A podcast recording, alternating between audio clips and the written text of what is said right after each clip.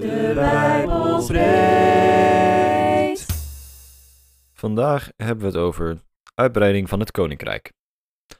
Inmiddels hebben we een goed beeld van wat het koninkrijk is, de realiteit dat God koning is van de aarde en dat het beste met ons voor heeft. Vooral in de synoptische evangeliën worden er allerlei handvatten en radicale opdrachten door Jezus gegeven voor koninkrijkskinderen. Deze week gaan we het hebben over de bekendste, maar zeker niet de makkelijkste opdracht die Jezus ons geeft. Ik lees uit Matthäus 28. En de elf discipelen zijn naar Galilea gegaan, naar de berg waar Jezus hen ontboden had. En toen zij hem zagen, aanbaden zij hem, maar sommigen twijfelden. En Jezus kwam naar hen toe, sprak met hen en zei: Mij is gegeven alle macht in hemel en op aarde. Ga dan heen, onderwijs al de volken, hen dopend in de naam van de Vader en van de Zoon en van de Heilige Geest. U lerend alles wat ik u geboden heb in acht te nemen. En zie, ik ben met u al de dagen tot de voleinding van de wereld. Amen. In dit stuk lezen we de alombekende opdracht tot de zending. Dit is een van de weinige keren dat Jezus direct zegt: Dit moet je echt doen. Daarnaast is het het laatste wat Jezus zei voordat hij naar de hemel ging. Als je op Wikipedia zoekt naar grotere opdracht, dan vind je deze tekst terug. De grote opdracht gaat over het verkondigen en verspreiden van het evangelie. Hierin valt alles samen. Het is de conclusie van Jezus' onderwijs op aarde. Het is alsof Jezus zegt: Ga het nu maar doen. En even later, met Pinksteren, zien we dit gebeuren. De discipelen beginnen het koninkrijk uit te dragen. Deze opdracht geldt nog steeds, ook voor ons.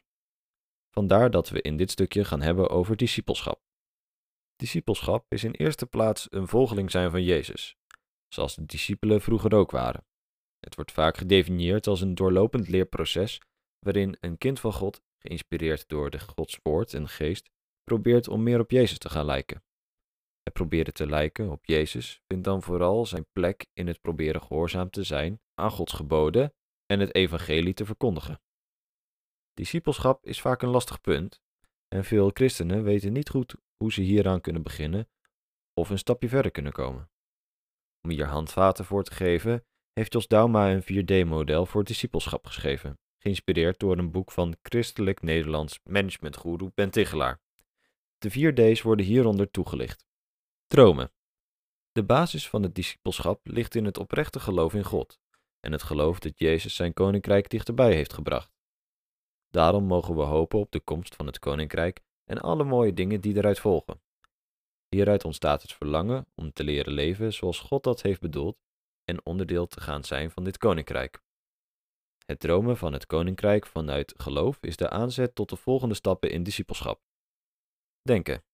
Onder denken verstaan we in dit geval het moment van inkeer.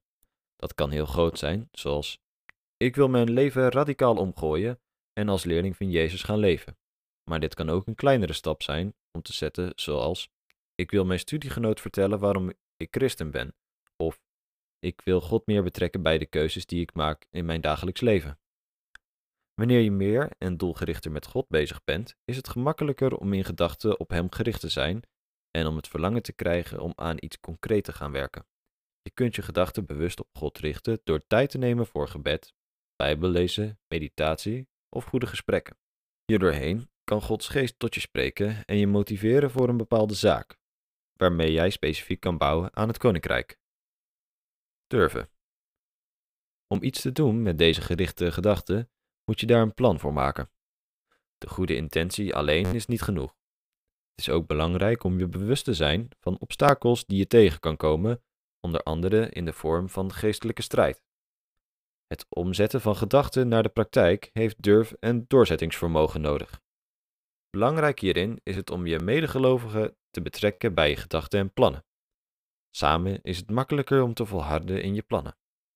Het helpt hierin ook om God om kracht en durf te vragen en je plannen aan Hem voor te leggen in gebed.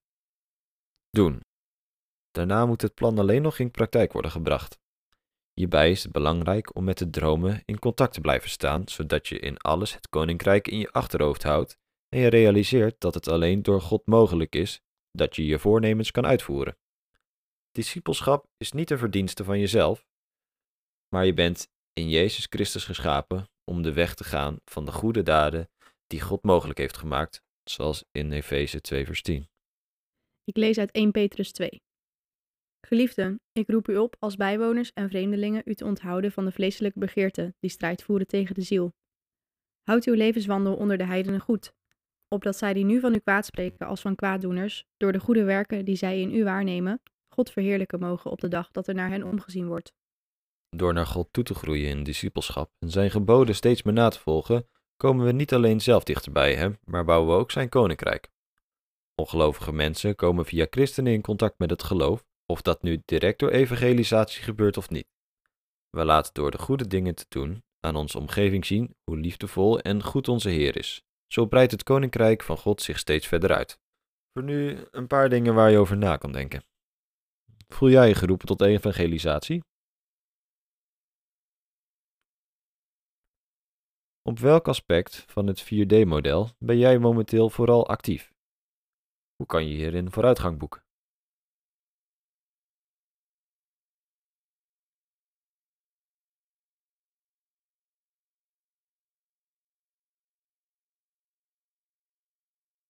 God, ik wil u danken dat Jezus een duidelijk voorbeeld voor ons op aarde is geweest waar we toe kunnen volgen. Daarnaast vraag ik van u, Heer Jezus, om bij ons te staan in de dingen waar we tegenaan lopen rondom discipelschap. Dat vraag ik van u om Jezus wil. Amen. Deze podcast werd mede mogelijk gemaakt door